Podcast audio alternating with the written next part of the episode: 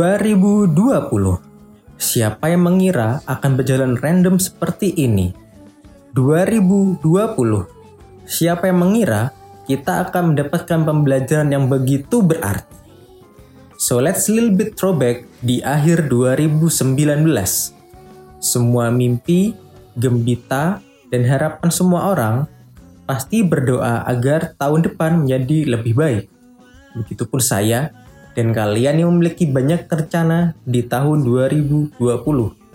Mungkin seperti pernikahan yang mengundang banyak keluarga dan kawan, merasakan lezatnya mamekan di Monzen Nakacho, Japan, atau lebaran Idul Fitri bersama keluarga besar di kampung halaman, atau bahkan hal kecil lain seperti nongkrong dengan teman dengan damai di coffee shop, dan masih banyak lagi yang lain isn't it?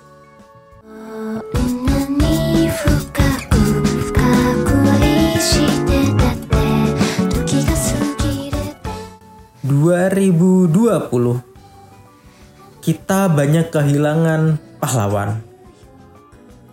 Tenaga kesehatan yang gugur, beberapa musisi hebat seperti Glenn Fredly, Didi Kempot, Erwin Prasetya, dan masih banyak lagi dan juga beberapa atlet legendaris seperti my childhood hero Kobe Bryant, Ricky Kobe, and the GOAT Maradona. Dan juga di tahun 2020 saya pribadi I lost my cutest pet ever, Anin. Hope you all in the better place there now.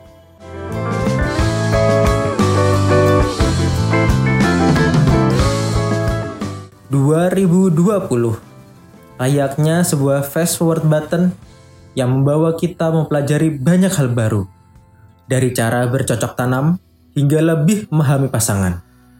Dari cara survive menjadi manusia hingga survive bersama pasangan tersayang kita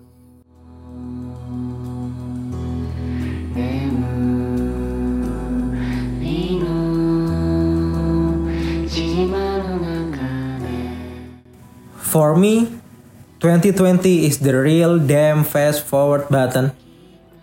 From married and my wife getting pregnant and in this December we have a baby. I can't ask for more. Thank you Niken my love. So sorry I can't be there in childbirth moment because I have COVID. Yeah, I have COVID in my body when I take this podcast and I'm still stuck in Jakarta So sorry babe, I love you.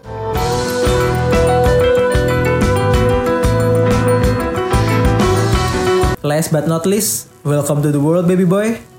If someday you listen this record, you have to know that the year you born to this world is a tough year.